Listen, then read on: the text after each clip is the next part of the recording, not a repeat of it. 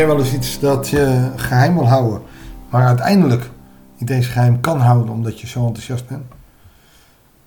Het Marcusgeheim gaat daarom. Jezus zegt st, en hoe harder hij st zegt, hoe harder mensen gaan schreeuwen. Iets wat heel menselijk is, maar Jezus deed het ook met een bedoeling. Daar gaan we het over hebben. We gaan van het Oude naar het Nieuwe Testament, Marcus, Marcus 7, vanaf vers 31 tot en met 37, een klein gedeelte. Hij vertrok weer uit de omgeving van Tyrus.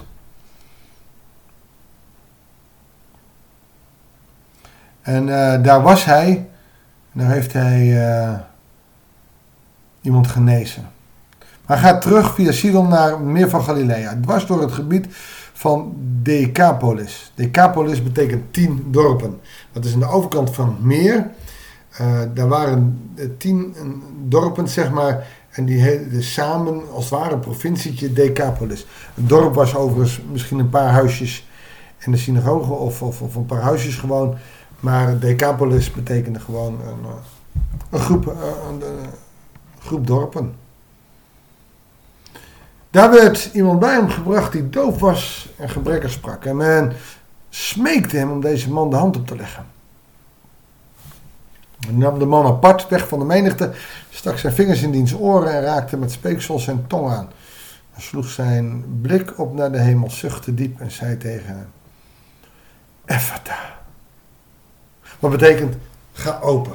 En meteen gingen zijn oren open, zijn tong kwam los en hij kon normaal spreken. Wat een wonder. Wat Jezus daarmee doet, is te laten zien hoe groot God is. De zucht die hij heeft, is waarschijnlijk ook iets van frustratie van de gebrokenheid van de wereld, maar ook van het opdringen, je moet iemand genezen. Toch doet hij het. En dan zegt Jezus tegen de omstanders om het aan niemand te vertellen. Waarom niet? Omdat Jezus zo langzamerhand meer als goochelaar bekend stond. Hij kan genezen, hij kan geweldige dingen. Terwijl het daar niet om gaat. De, de genezing is altijd om te laten zien hoe groot God is. Want dat willen de mensen niet horen. De mensen willen alleen maar wonderen zien. En hoe harder hij het verbiedt, hoe meer ze het rond vertellen. Ik heb wel eens zitten denken, je moet mensen verbieden om te geloven in God dan groeit de kerk. En weet je, het is nog waarheid ook. In China is het verboden met God te geloven. En door die onderdrukking van de christenen is daar inmiddels de grootste christelijke eh, gemeenschap alle tijden en van alle landen. De grootste christelijke kerk vind je in China. Weliswaar ondergronds, maar is het grootst. Omdat het niet mag. Ik denk dat als we hier in Nederland ook weer het christendom gaan, of weer, maar in ieder geval het christendom gaan verbieden. Dat ze weer heel groot gaat worden en gaat bloeien. Omdat iets wat niet mag juist spannend is, maar juist ook in de onderdrukking. We, we zoeken naar de zin van het leven en naar de oplossing voor vragen in ons leven. En de mensen waren geweldig onder de indruk en zeiden alles wat hij doet is goed. Zelfs doven laat hij horen en stommen laat hij spreken. Maar niemand vertelt hier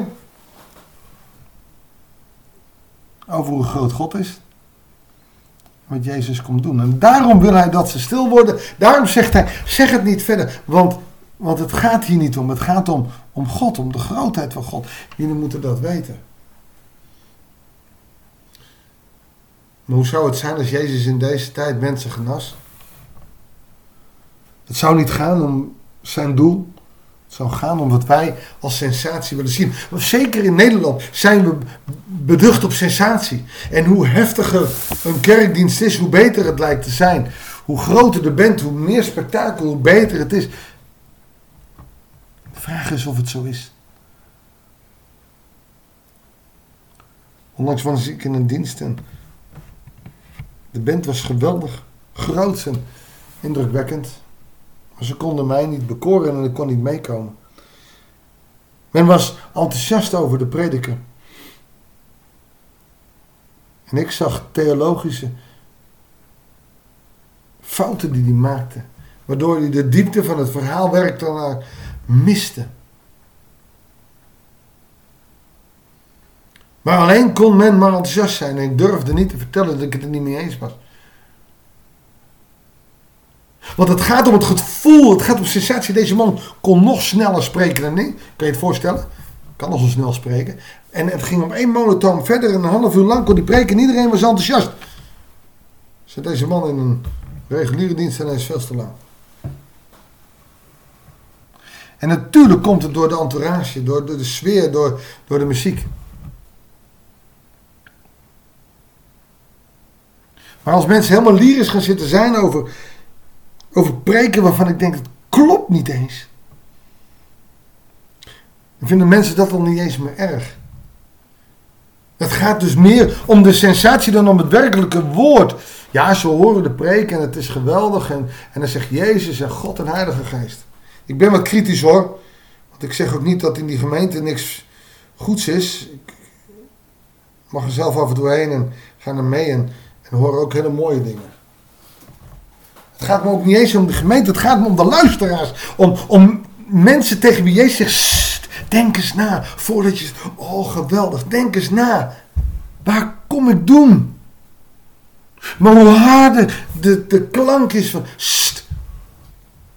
hoe meer ze gaan juichen. Oh, wat geweldig, hè? zo mooi.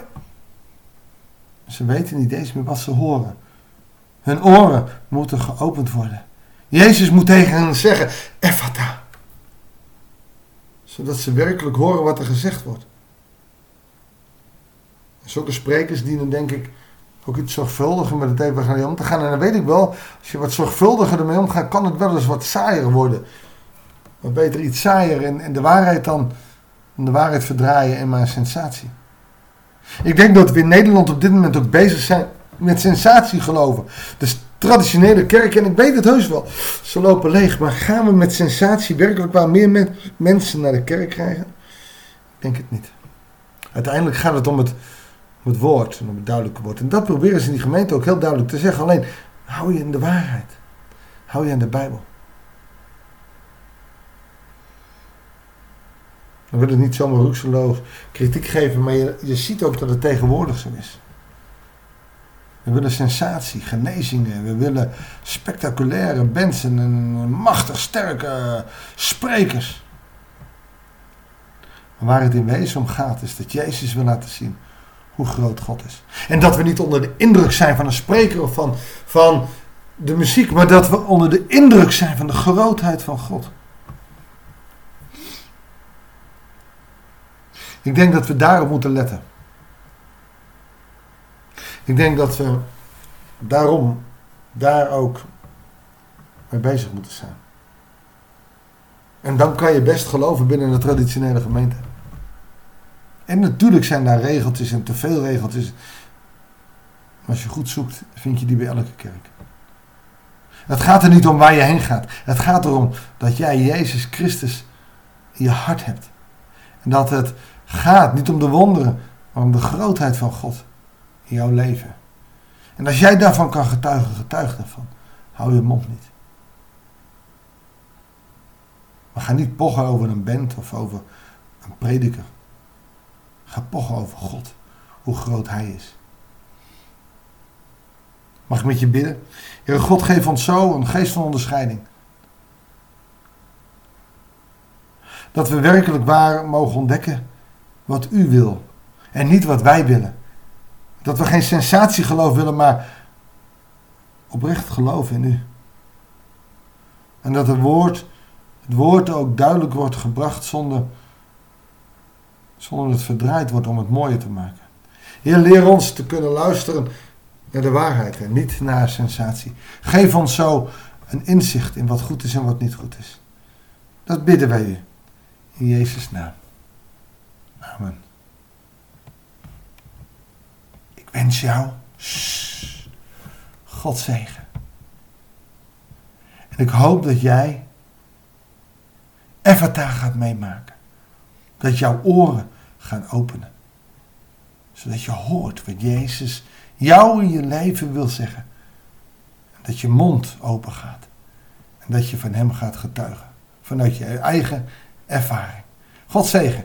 En graag tot de volgende uitzending van het Bijbelsdagboek.